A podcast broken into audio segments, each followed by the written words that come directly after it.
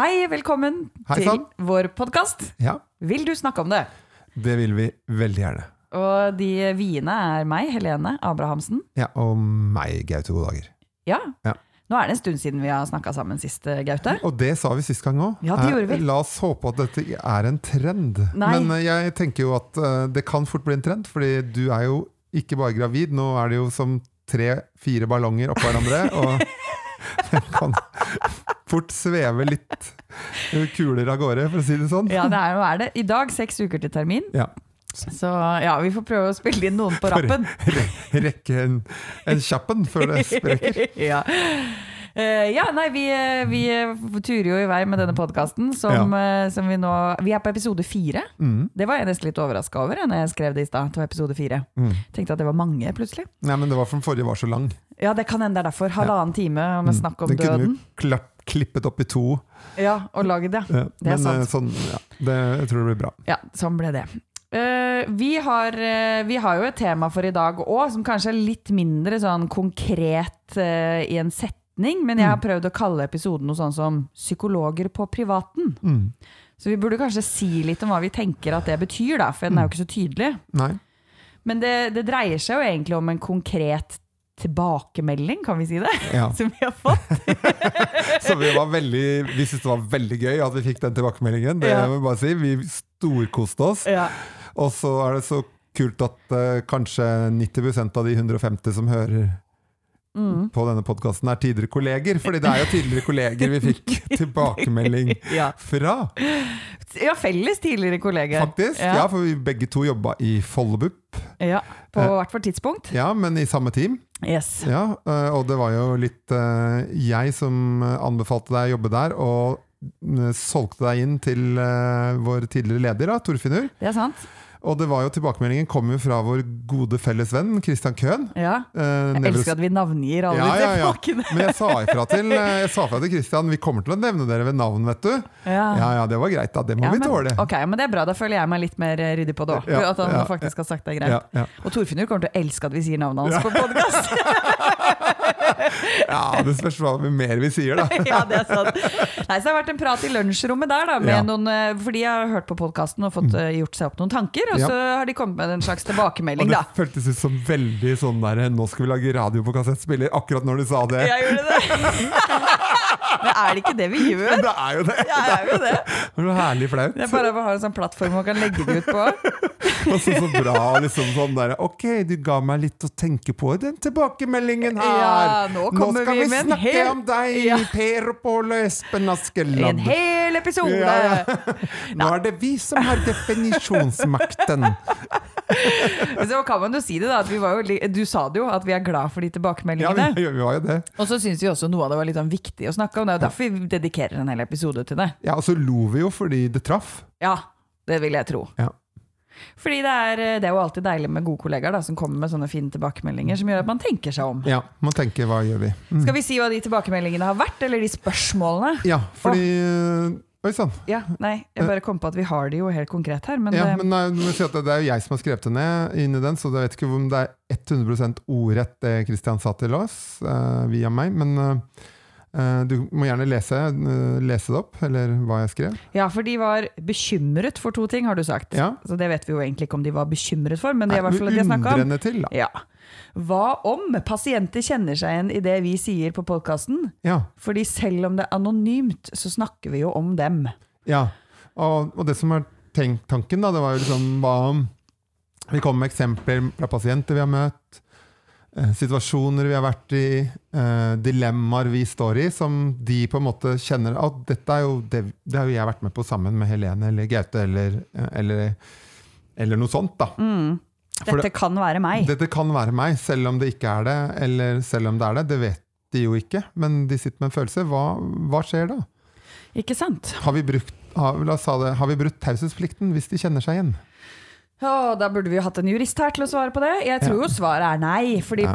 poenget med taushetsplikten er vel at andre skal kunne kjenne igjen eller ikke. Ja, det er vel riktig, det. Ja, Så vi har jo gjort det såpass anonymt at jeg tror du skal være ganske magisk for å skjønne hvem vi har snakka om. Og så tenker jeg jo at dette er jo noe du og jeg har prata en god del om, at det er veldig viktig for oss at, de, at vi gjør det anonymt, og Ja. at vi holder igjen på de detaljene som uh, gjør at noen skal kjenne det igjen. Da. Men Mm. samtidig så vil jeg jo tro kanskje at noen kan kjenne igjen seg selv.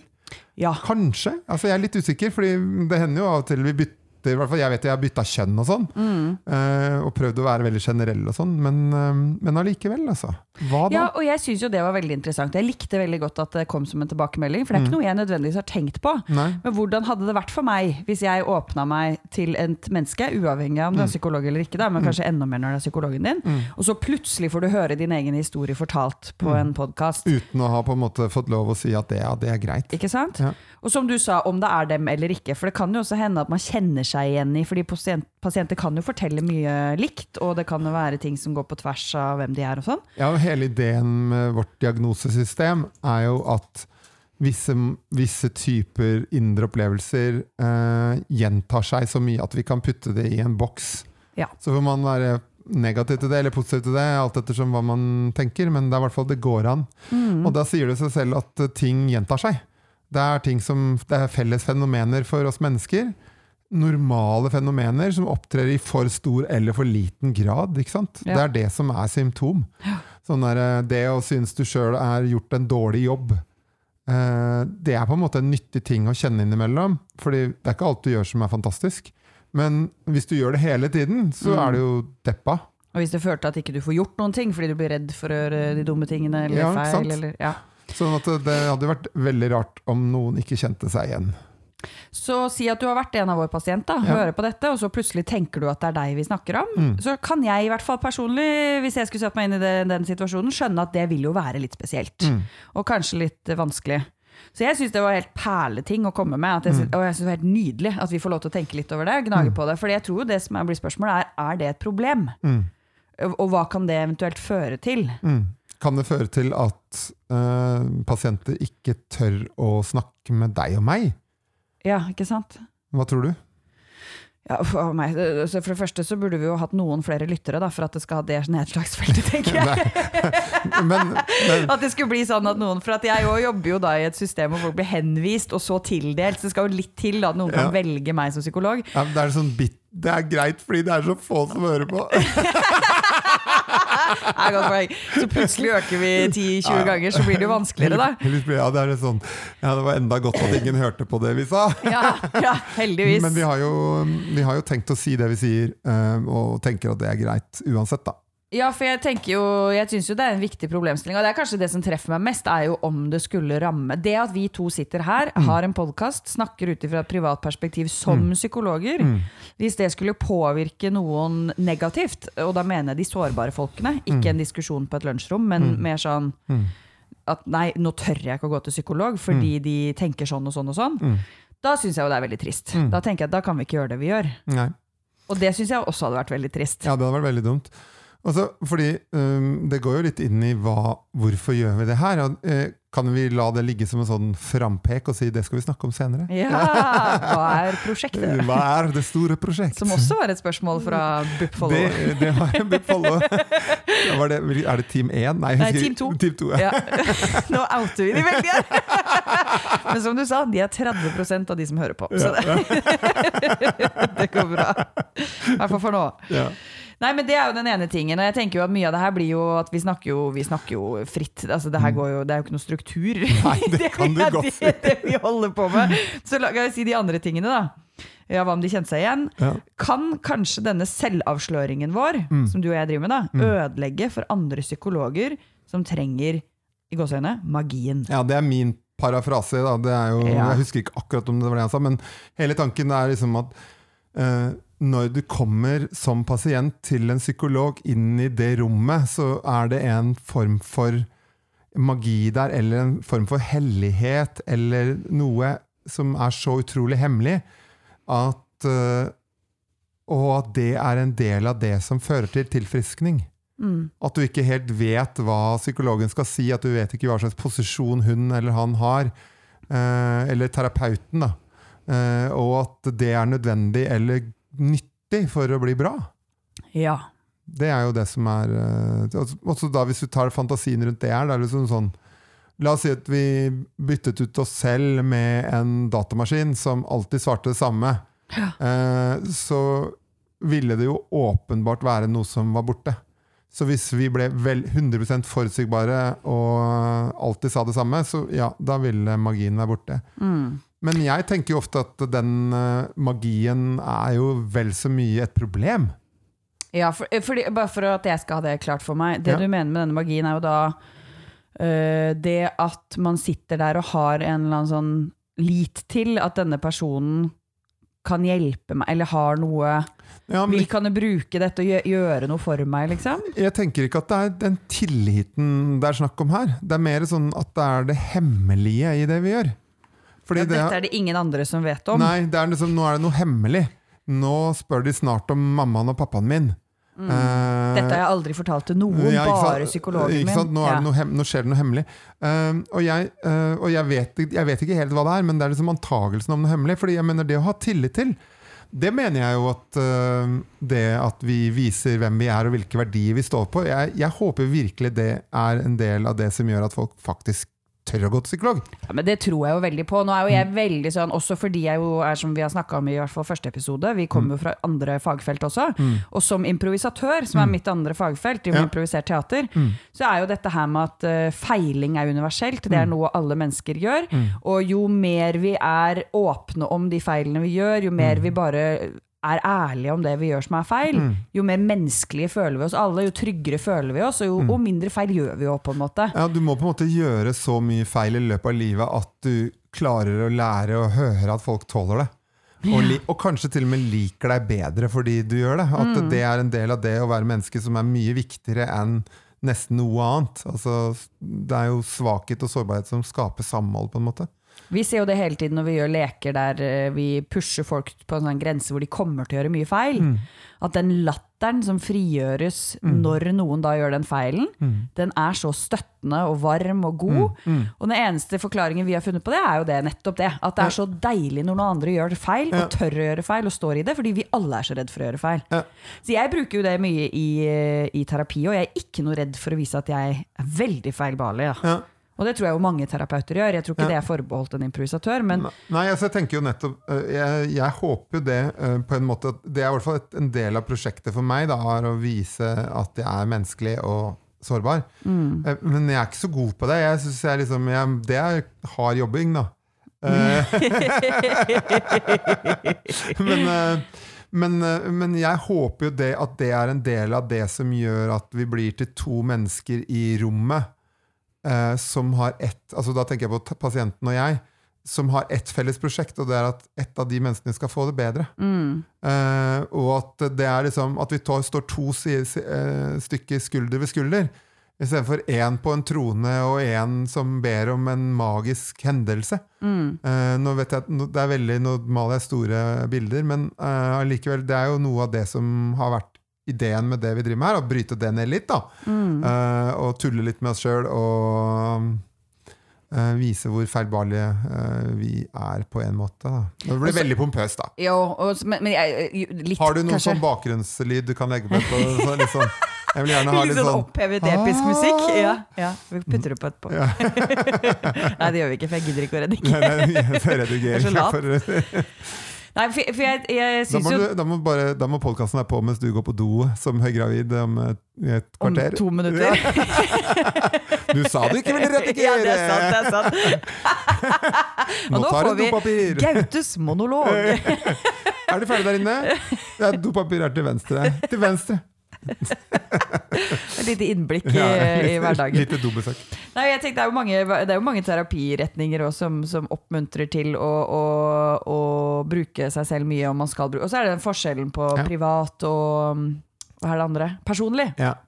Um, at man skal passe seg for at man man skal hele tiden være en person i det rommet som pasienten ikke føler at den må ta vare på. Jeg syns det var veldig bra at vi ikke helt husket forskjellen på de to. Nei. Ja.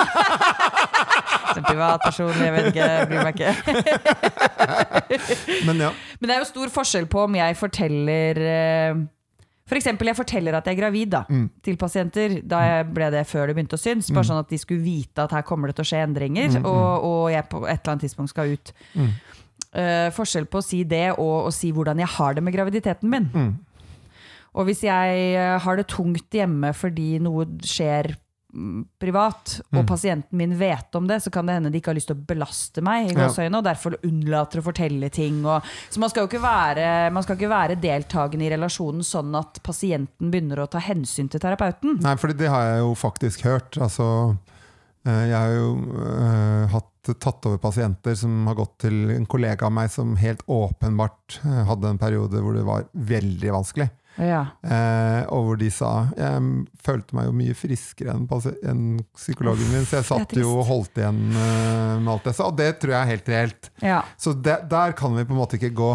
Nei, og dit skal vi ikke gå heller. Nei. Eller folk som snakker om selvskading og som sier jeg ville ikke snakke med den behandleren om det, for jeg følte ikke at hun eller han tålte det. Nettopp. Og da, på, da klarer vi jo ikke å hjelpe folk heller. Nei. Så vi må være mennesker som tåler det pasientene våre kommer med. Ja. Så, så det er jo en, en grense her òg. Det er ikke sånn at vi skal være helt selvavslørende i det Nei, rommet. nei, nei. Men det er jo forskjell på det å si 'nå ble jeg veldig berørt av det du sa', Ja. eller 'nå ble jeg, 'dette kjente jeg at jeg blir irritert av', Ja. eller 'nå tenker jeg sånn'. Mm. Det, er, det er jo veldig forskjellige måter å bruke seg selv på. Ja. Ja, Og jeg tenker jo at Relasjonen til pasienten er jo et virkemiddel for bedring for mange. Så vi, det, det, men da har vi jo sagt litt om hva som var prosjektet også. Det var jo la folk titte litt under motor eh, Under panseret, liksom. Titte litt ned i motoren og se hva som skjedde der. Og, Oi, det var en rar lyd, og den eh, reima der måtte tre spennes litt. Og er det litt olje her? Eh, I hvert fall tom for spylevæske. Det er helt tydelig. Eh, og at det på en måte er greit, da. Eh, det, og at du fremdeles kan få en god eh, At du trenger ikke ha noe pidestall. Ja, for jeg må jo si at jeg som personlig så er jeg jo ganske uenig i Nå har ikke jeg møtt mange som uh, forfekter den modellen, men jeg tenker liksom at psykologen er Vi er eksperter på psykisk lidelse, men vi er jo ikke eksperter på personen som sitter foran oss. Det er Nei. de som er eksperter på. Mm. Så det er et samarbeid sånn sett, da, at vi bruker min ekspertise kombinert med pasientens ekspertise på seg selv for Ja. å finne ut hvordan vi skal hjelpe den personen. Ja. Men det er jo ikke Men det der å sette seg selv som en sånn 'du burde høre på meg fordi jeg er psykolog', Mm. eller 'dette burde du 'jeg er flinkere enn deg', eller Ja, sette seg selv over. lille venn. For meg. Ja, det er jeg veldig imot, da. Lytt til meg, og du blir frisk. Ja, jeg skal fortelle deg hva som er riktig, og hvis du ikke er enig, da er det, tar du feil. Eh, men det er jo, jeg tenker jo hvis vi ser det litt utenfra, så det du jeg forfekter her, det er jo eh, veldig sånn eh, klassisk eh, På en måte eh, likhetstanke, litt postmoderne. Mm. Eh, det er veldig, veldig vestlig. Det er jo faktisk sånn at det fins jo kulturer og etniske bakgrunner i dag som trenger at vi er litt mer eh, tydelige, da. Ja. Og sier 'gjør sånn og sånn'. Ja. Eh, og jeg syns det fall veldig nyttig å kunne um, uh, si ifra til dem om at uh, nå kommer jeg til å gjøre det, og så får du kjenne på hvordan det er, og så drøfter du det. Så jeg har liksom sånn, et sånn postmoderne lokk over min autorative stemme også. Eh, Oi, det var veldig flott sagt. ja, det var, Grete. eh, det var en slags metabobbel. Men, eh, men ja. Men det, men det er nyttig av og til å kunne bytte på det. Um, si- Ja, så, så jeg lurer jo på Fordi problemstillingen her eh, Eller det spørsmålet fra de da Var Mm. jo Hva om vi ødelegger den magien? Hva Mm. om pasienter sitter og lytter til denne podcasten mm, Hører at psykologer tenker sånn som vi snakker om her da mm, Eller kan tenke sånn som vi snakker her i hvert fall mm. Og så ødelegger det noe for de i en behandlingsrelasjon seinere. Hvis, hvis det var, Eller der og da hvis det var liksom, kom tydelig tegn på at dette her var mer ødeleggende enn enn nyttig, Nyttig. da hadde vi bare slutta, tror jeg. Ja, det er ikke noe poeng Hvorfor skal vi drive med det da? Da kan vi ha en annen podkast hvor vi snakker mer om sex. Ja. Fra det til det. ja, det, det, hvorfor skulle vi gjøre det? Det er jo ikke noe poeng. Det er ikke noe ønske om å, å, å gjøre det. Nei. Jeg vet ikke om jeg syns det er så farlig om folk skjønner hvordan psykologer tenker. Nei, jeg tror ikke det. Jeg tror det er positivt. jeg. Men jeg, jeg, jeg har jo tenkt øh, Jeg har jo tenkt litt på det der at øh, som, øh, som psykolog så er det veldig nyttig at folk ikke vet noe om meg. øh, for at de skal kunne snakke om hva som er vanskelig. Mm. Jeg, jeg skrev en øh, øh, jeg skrev en, øh, en blogg for Psykologforeningen for en god del år siden. Ja. Øh, hvor jeg Ja, på hjemmesiden til, til foreninga. Ja. Eh, som har egentlig handla om mange av de samme temaene som vi Jeg skjønner at det er sånn gjentagende, men det er liksom hvordan det er å være psykolog i spesialisthelsetjenesten, eller hvordan det var å være psykolog, liksom. Mm. Men da var det også noe bakgrunnen at jeg kom fra et annet, hadde et annet ståsted først, da. Ja. Så jeg kunne se det litt mer skrå, eh, med skråblikk. Og da skrev jeg en, eh, et innlegg om viktigheten av å ikke være den som gjør den reelle vurderingen på om barn er i fare pga. psykisk lidelse hos foreldrene, men å tillate barnevernet å være den som gjorde det, ved å være tilstrekkelig på hugget med egne eh, hva skal vi kalle det, sånne der, egne psykiske blokkeringer. Da, det som gjør at du stopper deg selv fra å gjøre det som loven sier vi skal, og det er jo å melde til barnevernet. Mm. Da skrev jeg litt om det, om de forskjellige måtene vi jobba med oss selv. At vi sier sånn Men far er kjempeflink. Eh, Det gjør ikke noe at mor er psykotisk. Far er sikkert flink. Altså, at, yeah. Alt mulig sånn da, som ikke vi kan vite. Så jeg prøvde liksom å være sånn logisk. å og hugge på de eh, argumentene som jeg hørte blant kollegaene mine rundt hvorfor vi ikke skulle gjøre jobben vår, som egentlig handlet om at det var så ubehagelig å melde til barnevernet. Det er kjempe, kjempe, kjempeubehagelig. Mm. Det er noe av det vanskeligste jeg gjør. Det er, det er helt forferdelig, fordi jeg ødelegger jo 90% av tiden den relasjonen jeg kanskje har brukt mange uker på å bygge. Da. Ja, det, er jo der, det er jo både i melde til barnevernet og hvis man skal ta fra noen førerkortet. Ja. Det er da jeg kjenner at hjernen min går mest inn i unngåelse og prøver å finne de veldig gode unnskyldninger for jeg ikke trenger å gjøre det. Så da lagde jeg sånn topp ti unnskyldninger vi bruker, og hvorfor det ikke gjelder. Ja, Jeg, lagde ja. det da. jeg tror du finner den hvis du googler det fremdeles. Ok. Eh, Men uh, når jeg gjorde det, så uh, merka jeg jo det at eh, det gjorde at jeg falt ut av posisjon med pasienter etterpå. Da kunne det være sånn pasienter som kom til meg og sa sånn Jeg kan ikke snakke med deg, fordi du er en drittsekk. Du sitter bare og tenker på hvordan du skal melde meg til barnevernet, du. Sånn kunne pasienter si til meg. Eller sånn Jeg stoler ikke på deg. Jeg vet at du sitter og tenker på å melde meg til barnevernet hele tiden. Mm.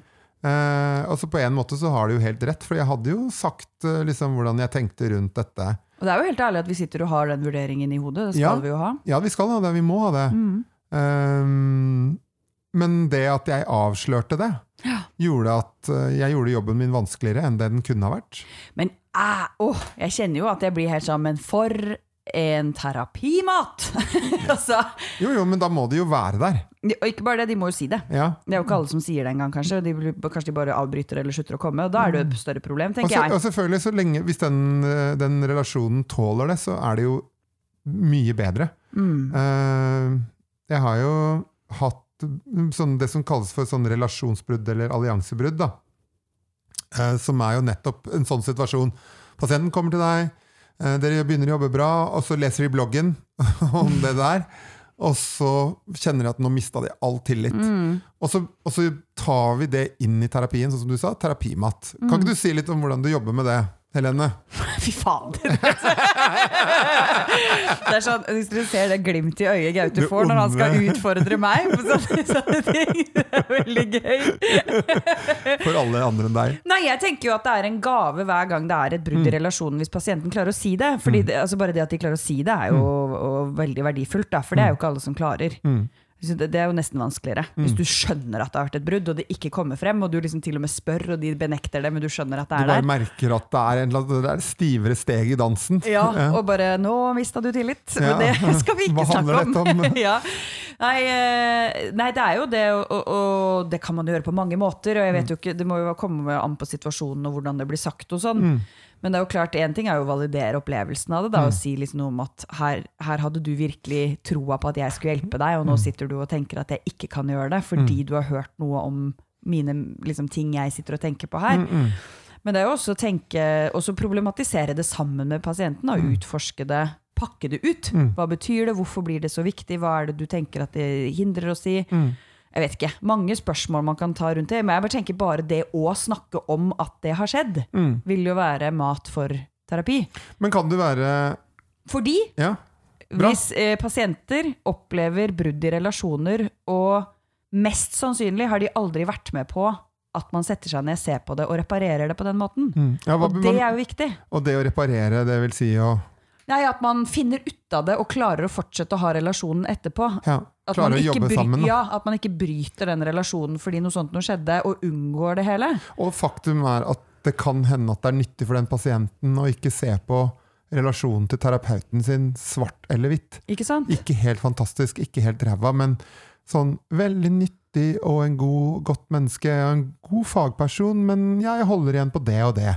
Og sier disse tingene til dem fordi det virker viktig, men ikke dette. Sånn, eller, men også bare det at det er jo ikke alt jeg sier som er helt fantastisk. Nei. Altså, hvis jeg skulle hatt det presset på meg, at jeg skal være perfekt, Mm. det tror jeg ikke jeg hadde klart. Nei. Så jeg må jo også få lov i en relasjon til å være feilbarlig. Lov til å drite meg ut, komme med forsøk som ikke passer. Men det er ganske uskyldig. Altså selv det her med min uh, meldt til barnevernet-agitasjon, da, som jeg drev med, eller argumentasjon. Men kan du være um, Kan du være en god psykolog med, som Frp-politiker og stort klistremerke av Trump i bakvinduet? På bilen din som du parkerer utenfor DPS-et? Og alle vet at der er FrPs eh, psykologen med Trump-kjærlighet, liksom. At du er sånn Det er, det er, ikke sant? Det er jo ikke det er, Jeg skal ikke sammenligne Trump med Hitler, liksom, men det er jo et, eh, det er jo et, et han er jo et menneske og et kulturelt ikon som så, tar så enormt mye plass. Altså- at hvordan du stiller deg i forhold til han, liksom skiller eh, ond fra god, omtrent. da. Altså det du egentlig sier, er hvis du plutselig får vite ting med psykologen din som du er grunnleggende uenig i, eller Ja. er noen verdier her du ikke klarer å forenes med, Ja. kan de da gi deg hjelp? Ikke sant? Der det går det an å få hjelp av han FRP. Han står på førsteplassen på Frp-lista og jobber på DPS. Mm. Det er ikke mange av de her ute i landet, for det tror jeg at de fleste skjønner at hvis jeg blir så synlig, så mister jeg nytta. Som behandler i mange sammenhenger. Ja, for øh, Vi, vi snakka litt om det før vi begynte i dag, men med Peder Kjøs, Ja. som er en veldig synlig psykolog. Mm. Alle vet det hvem han er. Jeg hørte han skulle, han skulle være med og si et eller annet på et radioprogram, og da sa de hvor alle Hva var det de sa? Hvor alle elskedes Peder Kjøs? Eller de presenterte ham veldig sånn Mm. Ja. folkekjært, og, og han er en figur vi alle setter pris på. Mm. Um, og så det, for det første tenker jeg herregud, for et press. ja. Stakkars. Ja. Ja. Men så syns jeg du sa noe fint om det med sånn um, Han blir så kjent at folk tror de kjenner han. Mm. Hvor, og hva slags rom får han egentlig da for å drive med terapi Ja. og behandling? Ja. Men det er jo kanskje også fordi man setter forventninger Så det blir jo det motsatte eksempelet. da At Ja. du setter forventningene dine så høyt. At man nesten mister handlingsrommet sitt. Så når Eller han er man helt vanlig terapeut, så blir folk kjempeskuffa. ja, Han sa det samme som den forrige terapeuten, kan du tenke? Eller han sa noe som hørtes dumt ut. Ja. Eller ikke ga mening for meg. Ja. Han kan ikke være så trodde god han var, fli- jeg trodde han var best. jeg. Ja, Ja, så det er jo mange gode grunner for å ikke vise seg fram. Det er jo det som var mitt uh, ja, poeng. ja, ja. Det er klart det er det. Eh, og så- og det, derfor gjør det jo den Det er jo ikke det er jo, mm, Jeg tror jo nettopp det at kanskje det uh, BUP Follo Team 2 har varme og kjærlighet til oss når de sier det de sier, på en måte. Ja. Eh, og vil oss vel, da. Eh, og de har jo rett også, på en måte. Mm. Eh, så det, det er jo en sånn der bevissthet som vi må bære med oss. Ja, for jeg, det, det er jo veldig mange um, Sånn som hvis du skal hvis De gangene jeg har slutta et sted eller skal bytte jobb, da, Mm. eller, eller eh, ut vekk ja, Sånn at man skal avslutte pasienter, og kanskje de skal overføres til noen andre, eller, eller du finner ut at du skal ikke behandles her, du skal til et annet sted, eller et eller annet. Ja, Så er det jo en sånn problemstilling som stadig kommer opp, er tenk om jeg ikke liker den nye behandleren. Mm. Jeg har jo likt deg. Mm. Og, og det, er også, det er også interessant med BUP versus DPS, da, for i BUP uh, Follow i hvert fall, så er de veldig gode på dette med behandlerbytte. Mm. Hvis pasienten ikke trives med behandleren sin, så kan man be om å få en annen en. Mm, mm. DPS så gjøres jo det veldig sjeldent. Ja, jeg har opplevd at jeg syns de er gode på det de stedene jeg jobba i DPS. da. Ja. Eh, ja, det, er, det handler veldig mye om holdningen til, eh, til uh, i ledelsen. Mm. Uh, og det er litt sånn Det er interessant å si det, men, men det som er, det er at i, blant oss psykologer så er det litt sånn fagposisjoner som for noen blir veldig viktig. Og de blir aller viktigst når du er helt nyutdanna. Jeg har jobba som lektor på Universitetet i Oslo for de som nesten er ferdige psykologer. Mm. Eh, og så er jeg eh, leder på fellesprogrammet, som er sånn, et sånn utdanningsprogram du begynner med for å bli spesialist, rett etter du er ferdigutdanna psykolog. Da. Ja. Og da ser jeg at de som er veldig opptatt av de faglige forskjellene, liksom, eh, eh, fagposisjonen sin, da, det er at de er ganske nyutdanna eller uerfarne. fordi etter hvert som vi blir mer og mer erfarne, så blir vi likere og likere. Det er jo det som er Ja. Vi ligner mer og mer hverandre. Vi finner ut sånn, litt sånn erfaringsbasert hva som virker og hva som ikke virker. Og når du mener faglig posisjon, kan du bare si Ja, jeg kan si sånn der, For eksempel om man har en dynamisk bakgrunn, eller om man har en Kognitiv, kognitiv eller- ja. eller, eller eh, atferdspsykologisk. Eller sånn. Det er mange forskjellige faglige posisjoner. Det kan vi ha en egen, uh, egen podkast om, Skriver det faktisk. Sånn derre eh, vi er like, men ikke så like. Eh, men, eh, men det som er hele grunnen til at jeg tok en liten sløyfe innom den, det var for å si det at i noen faglige posisjoner så er det å holde ut med terapeuten sin, det er en veldig viktig faktor for å lykkes, særlig når du sliter med relasjoner. Ja. Og særlig hvis du er en som har som bakgrunn at du um, uh, Når du syns en relasjon blir vanskelig, så stikker du og fin- fikser noen nye. Mm. Og det der, hvordan skal du da få erfaring med at hvis du holder ut en relasjon, så blir den vanskelig en stund, og så blir den dypere og bedre, og så blir den seigere. Den går fra å være glass til å bli stål, altså den kan bøye seg litt, sånn at den ikke knekker hver gang den blir belasta. Mm. Um, og at det er mye av grunnen til at mange uh, argumenterer for at det å bytte terapeut um, for noen pasienter som sliter med relasjoner som er vanskelig å ha langvarige fascinasjoner, at det er veldig dumt. da. Ja. Men eh, jeg bare si at eh, jeg tenker jo også det at det skal være sånn at du skal gi alle en sjanse. Det er allikevel sånn at du har ikke god kjemi med alle. Mm. Eh, du må kjenne på hvordan føles det ut. Eh, det syns jeg er veldig enkelt, fordi veldig ofte så det er noe av det første pasienter sier til meg. Det er sånn 'Å, her følte jeg meg mye tryggere enn forrige.' Eller sånn 'Jeg syns dette var fint. Eh, Jeg ringer deg, så får jeg en ny time en gang.' Eh, ja. ja. ok, ja, men da skjønner jeg hvor, hvilken Ja, kategori jeg- jeg kom i, da. Jeg, nå har jeg opplevd begge deler? Ja. både med at vi ikke gjør det og at vi gjør det. Og Ja. jeg syns det fins gode argumenter for begge deler. Ja. Det må jeg bare si først. Ja. Jeg syns det er masse godt med å bytte, Ja. og masse godt med å ikke bytte. Ja. Og en av de tingene jeg også liker ved å ikke bytte, er den derre illusjonen man kanskje har, da, lite grann, om at jeg må like en person for at Ja. de skal kunne hjelpe meg. Ja, eller jeg må respektere alle verdiene til den personen for at de skal kunne hjelpe meg. Det er ikke nødvendigvis sant. Nei, det er ikke Det sant. kan også hende at det ubehaget du kjenner i møte med denne personen, gjør at det er veldig nyttig for deg å Mm. stå i det ubehaget og møte dette mennesket. Fordi kan jo hende at dette er akkurat det du trenger, selv om du ikke vet det akkurat nå. Ja, og så tenker jeg jo at uh, det som er målet, er jo at følelser for andre mennesker, relasjoner til andre mennesker, skal bli komplekse eh, og ikke enkle. Ja. At det på en måte er målet for behandlingen. At, det skal, at du skal utvide liksom det rommet og antall tilknytningene du har. Så, men jeg tenker jo at i prinsippet mitt er vil du ha en ny behandler, så skal du få det. Eh, med mindre det er et problem for deg. Og da at du vil gjerne ha det på den måten. Og da skal det være sånn at da skal du ha bytta en gang eller to. Ja, ja, ja. Fordi før, før på en måte vi har lov til å si nei, dette tror jeg ikke er nyttig for deg. Da, er det det, da skal vi på en måte vite at det er det som er problemstillingen din da, som pasient. At det er det som du har vanskelig med å Når du begynner å miste tillit, så, så er det akkurat som en sånn der, klut med slim, eller klump med slim som detter over kanten og drar seg ut til alt sammen blir borte. Liksom. Sånn, et sånn hark. Istedenfor uh, et, lite, et lite spytt, så får det, kommer alt. Uh, og det at, at på en måte du klarer ikke å differensiere Beklager bildet. For de som ble kvalme av det. Men at, eh, sa hun hostet. Ja. Men at det på en måte skal være et skikkelig problem at du ikke klarer å, å dele opp den indre følelsen. Da. Og så er det jo terapimat, det òg, for så vidt. Da, at jeg tenker at Gode behandlere vil problematisere det, sette spørsmål, altså snakke om det før man bare hopper til det. Og de fleste er gode, ja. Jeg Ja, tenker jo det, det. jeg, har, jeg har veldig tillit til de fleste. Ja. Um, men jeg tenker jo at det også er Man kan jo dra det over til sånn samfunnsperspektiv, hvor vi ser problemet i samfunnet generelt nå, at vi lever i ekkokamera. Mm. Sånn at uh, du, du, disse algoritmene som fins i alt av sosiale plattformer vi er på, gjør at vi stadig bare utsettes for mer av det samme. Mm. Sånn at du blir veldig sjelden utfordra på dine egne meninger og holdninger og tanker og ideer. Og du, Mm.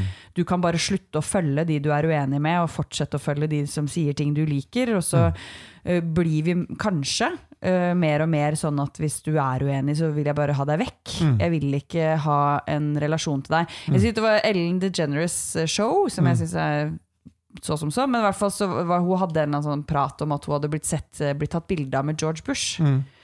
Hvor hun sto og sa det at uh, ja, jeg er også venner med folk jeg er politisk uenig med. Mm. Jeg er også venner med folk som har holdninger jeg ikke støtter 100 Mm. Og, For det betyr ikke at ikke vi er mennesker og kan like hverandre og, og, og dele noe for det. Mm. Og jeg syns jo det er et veldig godt poeng, for jeg vet ikke om jeg hadde klart å være venner med George W. Bush eller Trump eller Nei, Trump Trump seig. han, er det, det er en svær klump. Ja, den er en svær klump. Ja, for ta, jeg, ja. du vet jo at jeg har hatt lyst til å prate om han Ja, vi eh, må, det er en egen episode, vi må det er- ikke gå for mye inn i det Psyken til Trump og hvordan han virker på verden rundt seg. Liksom. Ja. Det er kjempegøy. Men som, som eh, Jeg hadde jo en studievenninne som var aktiv i Frp. Ja, Jeg liker jo, liker jo henne veldig godt. ja. Uavhengig av den holdning, selv om jeg ikke støtter Frp sin politikk. Nei. Så det er jo noe med å, Og du sier ikke at jeg er veldig god på det, for jeg tror nok jeg er veldig god på å slutte å følge folk jeg Mm. blir plaga av hvis jeg leser hva de skriver på Facebook. liksom. Mm. Men jeg tenker jo at det er godt, og i hvert fall når du skal inn i terapi, så er jo et av områdene vi jobber med, er å gi deg nye erfaringer. Mm. I det relasjonelle, særlig hvis det er vanskene dine. da. Mm. Det vil jo komme an Så, på sånn, sånn passe haug med personlig Altså at du er litt sånn jeg, tenker jo at du skal være sånn passe tydelig eh, som terapeut, og det er nyttig. Eh, Mm. for å nettopp kunne liksom, å smake litt på eh, hvor eh, mye du liker vedkommende, eh, og så Men Og jeg liker ikke vedkommende, jeg liker ikke Gaute så utrolig godt, men det er faktisk veldig nyttig, på tross av at jeg ikke syns han er noe særlig. Ja, At du skal ha den At du skal ha den opplevelsen. Da. Og for da er det mer komplekst, og det tror jeg er veldig viktig poeng. mm. At det er mer sammensatt, og at det består av flere, flere indre tråder da, enn bare den ene svarte eller den ene hvite. For jeg har jo merka det også hvis jeg kommer inn i relasjoner med pasienter som jeg, hvor jeg blir, blir sånn at jeg liker de for godt. Mm. Eller relasjonen blir av en sånn ja, med tid eh, Nå tenker jeg på én pasient spesielt. Da, sånn, etter hvert så tenkte jeg nå er vi nesten mer venninneprat her enn det er terapi. eh, liksom. Ja. At det kan, komme i veien òg hvis man liker hverandre for godt. Ja, er, Fordi min jobb er også å pushe deg ut i ubehag. Ja, ja, det er interessant. Det, der, det, der, det er sånn Jeg kan kjenne på at hvis jeg kjenner at det er, det er for koselig, så uh, ser jeg på klokka og har lyst til å kaste dem ut. Uh, og så, eh, fordi at jeg føler meg unyttig, da. Ja, At jeg Det får ikke gjort jobben, liksom. Nei, ja, jeg føler meg liksom mitt, Min indre driv til å være nyttig og hjelpe folk er så sterk at jeg, at jeg kje, når jeg kjeder meg, så Nei, når jeg ikke har det Ikke jobber med noe vondt, så kjeder jeg meg. For jeg føler som nå må jeg eller blir engstelig over at jeg ikke gjør jobben min. Mm. Um, ja, fordi det er jo sånn og, Men det, der, det er interessant. Jeg pleide å omtale det som at jeg er sånn smertejunkie. Ja det har du sagt her òg. Eh, Ja. Eh, at jeg koser meg best når, når det er lidelse i rommet, eh, Mm. på en måte. Eh, men det handler jo om at jeg har lyst til å være nyttig. At jeg er veldig redd for å være unyttig. Liksom. At jeg ikke hjelper folk. Og jo, da vet vi at nå jobber vi med noe viktig, nå er vi der vi bør være. Ja, ja.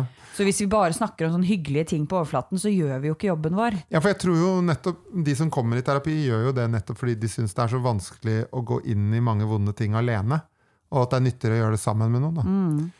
Eh, men eh, du og jeg har jo hatt en litt eh, Vi har jo hatt en eh, vei relasjonelt òg. Har du kjent eh, hvordan den har endra seg og utvikla seg? En, Fra at du har vært veileder til å bli ja, var det det, venn. var det det vi starta som veileder, eller starta vi som Ja. kolleger først? Og så ble, jeg husker ikke. Var, fordi du, Første gangen jeg møtte deg, så var du i intervjurommet. Nettopp så starter jeg helt på toppen av pidestallen. Du ansatte meg, liksom. Ja. Ja. og du var jo det skumleste mennesket. Skal jeg være helt ærlig, Gaute, Ja. så satt jeg og vurderte når jeg fikk tilbud om den jobben, Ja. så satt jeg og vurderte om jeg ville jobbe et sted med deg. For mitt inntrykk av deg da Ja. var ikke så positivt. Så veldig, veldig bra førsteinntrykk. da. Nei, men du var jo utfordrende og streng, Ja. og, og stilte noen spørsmål som gjorde at jeg fikk noen antakelser om deg, da, som viste seg å ikke stemme i det hele tatt. Hva var det jeg, Husker du hva jeg sa? Nei, jeg husker husker ikke. ikke, men du, du, du, stilte noen spørsmål jeg mest sannsynlig ikke skjønte helt. Og så, og, sånn for jeg var jo det nyutdanna da. Faglige Ja, det var sånn faglige ting. Ja. Og, så, og så fikk vel jeg litt inntrykk at du kanskje var litt høy på deg sjøl. Ja, ja, ja. At du liksom syntes selv at du var veldig god og flink, da. ja, ja, ja. Eh, og så opplevde jeg det kanskje litt dominerende. Ja, ja, ja. Det er, det er ikke, du tar jo ikke feil i de antakelsene. Nei, men, sånn som jeg tenkte på det da, så har jeg nok tatt litt feil. For jeg opplevde det ikke sånn da jeg begynte der. Nei. Det snudde veldig fort. Ja, det var bra å Ja. det, da. Men for jeg endte jo opp med å si ja til jobben, og så fikk jeg vite at du var veilederen min. Og da husker jeg var litt sånn å, herregud. Og så, da? Nei, og så øh, var det jo fryktelig slitsomt å være i veiledning med deg. Også, men hvis jeg bare stopper deg litt og går tilbake til den når du skulle, jeg skulle veilede deg. Mm. Det der at jeg var, hadde så dårlig førsteinntrykk, ødela det for veiledningen? Nei, det gjorde det ikke. Nei, ikke? For det første så tror jeg jo at med en gang jeg begynte på jobben og traff deg liksom i gangene og på lunsjrommet, og sånn, så, Mm. så skifta det jo fort. Da viste det seg veldig fort at de førsteinntrykkene jeg hadde av deg, ikke stemte. Mm. Og at du ikke var sånn som jeg hadde fått inntrykk av fra det intervjuet. Mm. Sånn at det redigerte seg veldig fort. Og, du- og det var veldig tydelig veldig fort at du var fryktelig kunnskapsrik, og at du hadde masse å komme med. Mm. Eh, I tillegg så er jo jeg den jeg er, så for meg å ha en som var så aktiv og på som det du var, så så jeg jo veldig godt at det kunne være verdifullt for meg. Mm. Å ha noen som pusher meg og dytter meg litt og utfordrer meg. da. Mm. Mm. Sånn at det, øh, så med en gang vi hadde veiledning, så var det litt over. Men hvis du kan, ja, fordi hvis du se på den relasjonen, da, eh, hvis vi bruker oss sjæl, siden Yes. vi, det er det vi er her for Eh, Jeg må innrømme at jeg husker bare positive ting om deg da du skulle eh, Da du ble intervjua, men jeg husker ikke så mye, for jeg tror du var 1 av 30 eller noe sånt eh, i de eh, to ukene vi holdt på med Oh det. Eh, men eh, jeg husker jo det at eh, vi var positive, følte det var noe positivt uh, så videre. Men jeg kan ofte kjenne jeg, Du har ikke vært den mest utfordrende personen jeg har veiledet. Men jeg kan ofte bli veldig sånn satt ut hvis jeg føler at de jeg veileder, blir redd meg. Ja. Eh, og, så, og da tenker jeg jo at jeg blir liksom Og det er jo veldig analogt til det derre Hvordan skal vi ivareta det rommet ja. eh, som behandler, da? Opplevde du at jeg var redd for deg? Nei, det gjorde Nei, jeg ikke. det- Nei, jeg, tror, det jeg begynte med å si, jeg tror ikke du var mest utfordrende. Jeg følte nei. ikke det var utfordrende. Eh, men jeg har jo hatt kollegaer som jeg føler liksom at eh, jeg, må, jeg må liksom passe på hva jeg sier. Ja. Eh, og jeg må litt nærmere. Jeg må passe på hva jeg sier. Sånn er det. Ja. Da var du over i den sexpodkasten Ja, veldig fort. veldig fort. Fra å være litt sånn der. ja. Men eh, jo, eh, hvor, um, eh, hvor, hvor det var vanskelig, da, og hvor, hvor nettopp du kjenner relasjonen gjør det vanskelig. Og jeg tenker jo på det at eh, Da veit jeg ikke om hvor god veileder jeg var. Eh, fordi eh, jeg, ble, jeg låste meg, og så blir de engstelige, og så blir jeg mer låst. Og så, eh, så jeg tror jo det, det der at vi er ganske frie til å lage våre egne meninger i møte mellom terapeut og pasient, at det er veldig nyttig. Akkurat som i veileder, eh, veilandrelasjonen, som på mange måter ligner ganske mye. Men Ja. den går liksom fordi det er, det er interessant, det syns jeg er veldig spennende, sånn, hva er likt og hva er forskjellig. Fordi det er jo ganske mye forskjellig, men det er jo faktisk sånn at hvis du uh, går på jobben og akkurat har krangla med kjæresten din, uh, og alt er jævlig, eh, så vil jo det påvirke hvordan du er som terapeut. Mm. Selvfølgelig, liksom. Du, vi bruker oss sjøl som verktøy. Så derfor snakker man jo om det i veiledning. Akkurat. Så, det, så de grensene der, de er litt sånn fussy. Mm. Litt fussy. Ja, og det tenker jeg også at de beste veiledere Nå syns jeg jeg har hatt veldig gode veiledere, da. Mm. Så, så syns jeg også at det bærer preg av at man kan snakke om Man snakker jo om seg selv som person, Ja. ikke bare som fagperson. Ja. For at det skal være godt. Jeg tenker bare til, Hvis vi skal ta det tilbake til den tilbakemeldingen om dette prosjektet vi har her, Ja, da, og ja. om det at vi sitter sånn og avslører hva vi har med oss inn. Nettopp. For det er jo det som er poenget. Ikke sant? Er det skadelig eller ikke, så har jo ikke jeg jeg, jeg jeg vet ikke om jeg tror at det er så skadelig, da. Nei. Jeg håper i hvert fall ikke det. Og hvis vi blir motbevist på det, og det kommer masse tilbakemeldinger fra folk på at det er det, da må vi jo ta det inn, selvfølgelig. Mm. Men jeg har jo troa på at man jobber med alt i det terapirommet. Eller man kan jobbe med alt. Ja, og at det er sånn Det man driver med, er liksom håndverk, da. Ikke magi. Ja, og jeg er ikke så redd for at den, den eh, allmenne personen skal, eller hvem som helst skal få vite noe om psykologer. Nei, For jeg har ikke troa på at det kommer til å ødelegge deres mulighet til å få hjelp. Da tenker jeg at nei tvert imot, tenker Nei, jeg. ja, det det er jo det som er verdien som gjør at vi er her. ja, At vi ønsker jo at eh, det skal være mindre frykt og mindre magi. Og mer åpenhet og, Og gjensidighet og menneskelighet. Jeg liker jo veldig godt det jeg uh, husker ikke om jeg har lest eller hørt eller lært det på studiet. eller hva som helst, men- Sikkert, sikkert. Ja, sikkert alt det. Mm. Uh, at uh, en av de mest effekt... Altså det effektfulle ved terapi, da, en Mm. av de, de elementene som gjør det til Mm. noe bra, er at du kommer inn i et rom med et annet menneske, Mm. deler opplevelser, tanker, følelser, ting du har inni deg som Mm. du er skamfull over eller syns er vanskelig å dele. Mm. Og så gjør du det, Mm. og så opplever du å bli akseptert Mm. og sett. Mm. Og at det er en veldig sånn det, det liker jeg, da, den tanken på at det er virksomt og hjelpsomt. Mm. For det opplever jeg jo skjer hele tiden, at pasienter sier dette har jeg aldri sagt til noen før, dette syns jeg er så vanskelig å snakke om, for jeg Mm. skammer meg så fælt. Jeg kan ikke si dette til deg fordi du vil tenke på meg annerledes etterpå, og så gjør de det allikevel. Mm. Og den muligheten til da kunne sitte der med varme og omsorg for de, og gi tilbake at man ikke endrer synet sitt på de, at man liker de fortsatt, at man fortsetter å jobbe med de. Ofte er det jo tvert imot. Det er jo da du virkelig kjenner ømhet. Ja. Liksom. Ja, fordi de viser sin sårbare, skamfulle side. Det er veldig sjeldent at mennesker viser seg sårbare og skamfulle, og jeg ikke liker de, eller at vi har lyst til å ødelegge de fordi de er sårbare. Nei, fordi det er jo det de bærer i seg.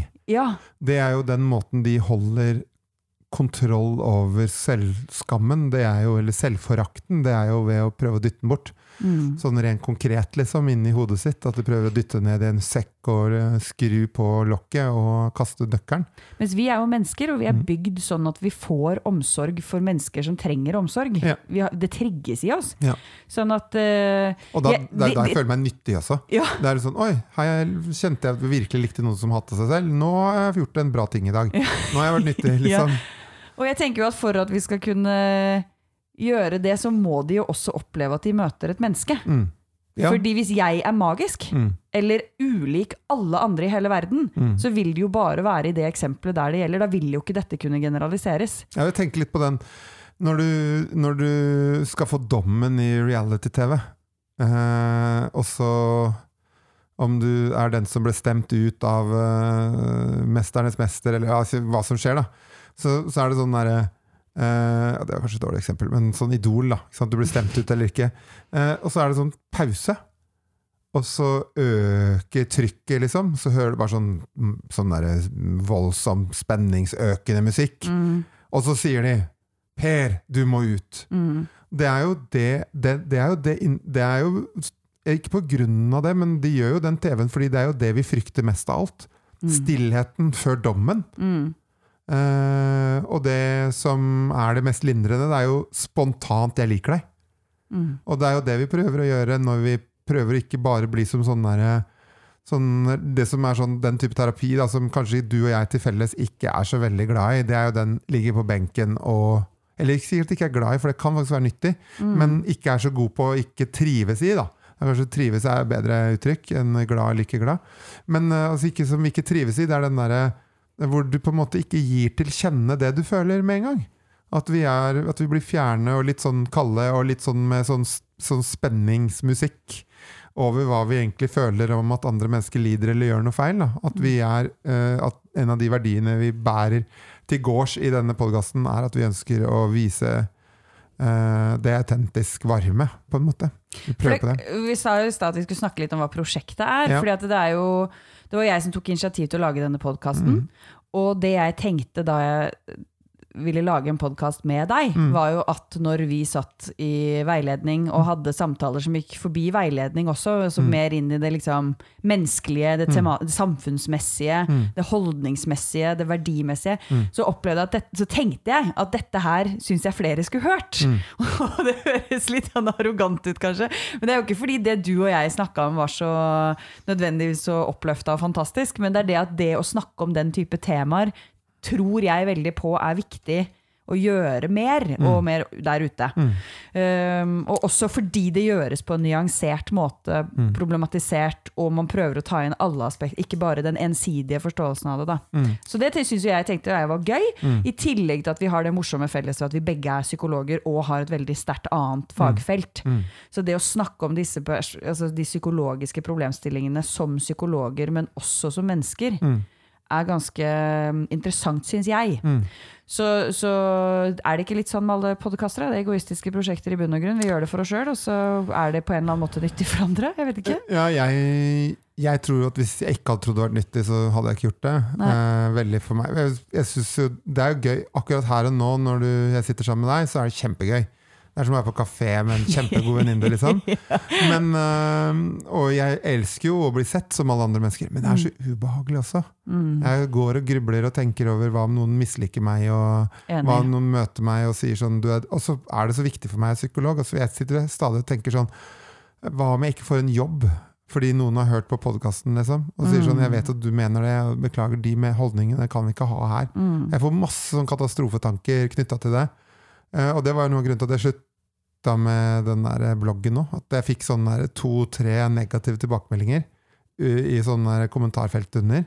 Og så tålte jeg det ikke. Jeg, så jeg ble så deppa Det er jeg så overraska over, Gaute! For det er sånn jeg tenkte jeg er. Jeg visste ikke at du var så påvirkbar. Åh, jeg Åh, det er så forferdelig. Jeg trodde du var mye flinkere til å tenke sånn ja ja, dem om det, liksom. Og Ja, ja, ja, men så tøff er jeg ikke. Jeg, jeg, Det er nesten litt godt å høre. jeg så veldig Nei, det var veldig ubehagelig. Ja, Altså, det er jo det. Og, jeg, og, så, og, så, og, så, til og med når jeg tenker litt sånn det, Og det er jo litt sånn at jeg kan få veldig mye positive tilbakemeldinger. Altså, 'Jeg leste den bloggen, det var kjempebra', eller 'jeg hørte podkasten, det var kjempebra'. Sånn. Og så kommer det én og sier noe dritt, så Mm. da får jeg ikke sove. Selv om jeg får så 100 positive. Liksom. Helt, helt 100 enig. Også, men da tenker jeg, og sånn er vi mennesker, fordi Mm. det er den måten vi overlever på. Det er veldig mye nyttigere for oss å henge oss opp i destruktive og negative ting. Og det har jeg jo et metaforståelse for, for dette sitter jo jeg jo gjentar og gjentar og gjentar til pasientene mine. Sånn, sånn funker hjernen. Mm. Eh, Frykten for å bli utestengt er mye viktigere for deg enn nytelsen over å være inkludert. For det du får til å gjøre bra, det er jo der. Mm. Det er jo alt det du ikke gjør bra som andre kritiserer deg for. Det er jo det du kan endre på for å passe inn bedre. Sørge for at du ikke blir stengt ute. Ja, og så tenker jeg jo for barnet så er jo det å være eh, Altså når du er under Er det ikke tolv år eller noe sånt? De har funnet ut at kanskje teoretisk sett i varme land et barn kan overføre, overleve uten foreldre helt. Eh, tradisjonelt sett eh, i sånn jeger-samler-samfunn, hvor det er nok ferdigheter og fysiske egenskaper til å overleve. Fra de er tolv år? Ja, fra de er tolv år, ja. Men eh, helt grunnleggende i oss så er vi jo i da, i hvert fall i la oss si 15 år, da, helt 100 avhengig av foreldrene våre. Mm.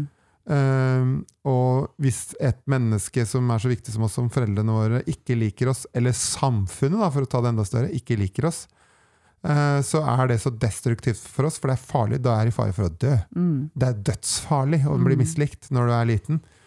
Og så ligger den i oss helt sånn inngravert selv når vi er voksen. og det kan hende det handler om et prosjekt som vi blir bedre på etter hvert som vi blir eldre. Det der å tåle å bli mislikt uten å bli opprørt over det, og prøve å reparere og sånn. Mm. Og så tenker jeg fundamentalt at hvor god på det skal jeg egentlig bli?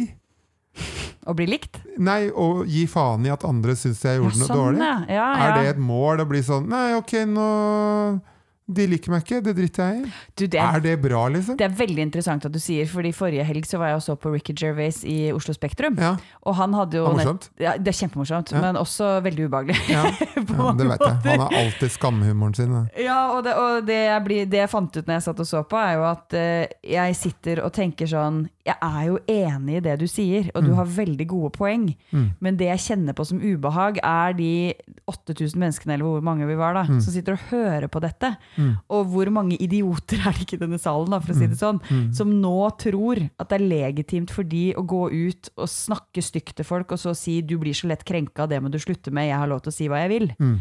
Fordi det er jo ikke det Ricky Gervais mener. Mm. Han mener at vi kan tulle om alt.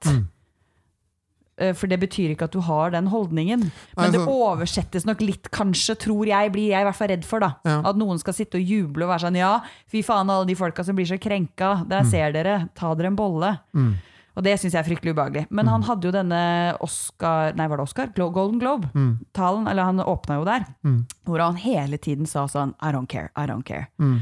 Fordi han satt jo, og han sa jo så mye til den forsamlingen der. Mm, mm. Ikke kom opp her og ta takketaler om hvor mye vi må vise solidaritet og hjelpe verden. Dere vet ingenting om det virkelige livet. Mm. Og så var han sånn oh, I don't care. Og jeg har tenkt en del på dette på. Mm.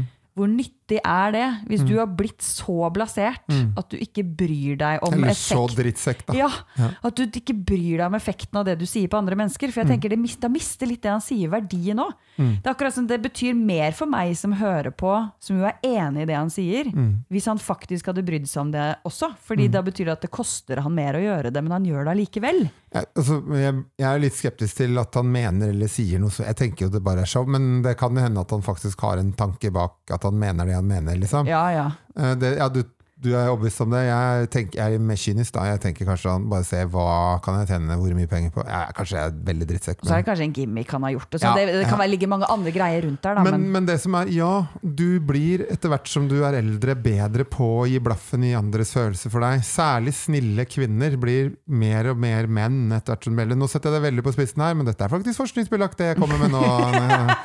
for å slenge det inn der. Kaster jeg inn den lille der.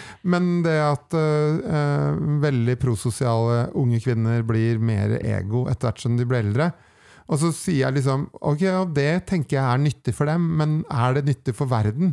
Og jeg som middelaldrende mann, er det det jeg skal drive med? Og gi blaffen i at andre syns jeg tråkker på dem? Eh, jeg burde jo være i en kategori hvor jeg søker å gå en annen vei, liksom. Eh, hvor jeg tenker at jeg skal bli mer sensitiv, og ikke mindre. Mm. eh, og så veit jo ikke jeg eh, når jeg er hvor sensitiv, for i noen ganger så er jeg veldig sensitiv, og andre ganger er jeg ekstremt usensitiv.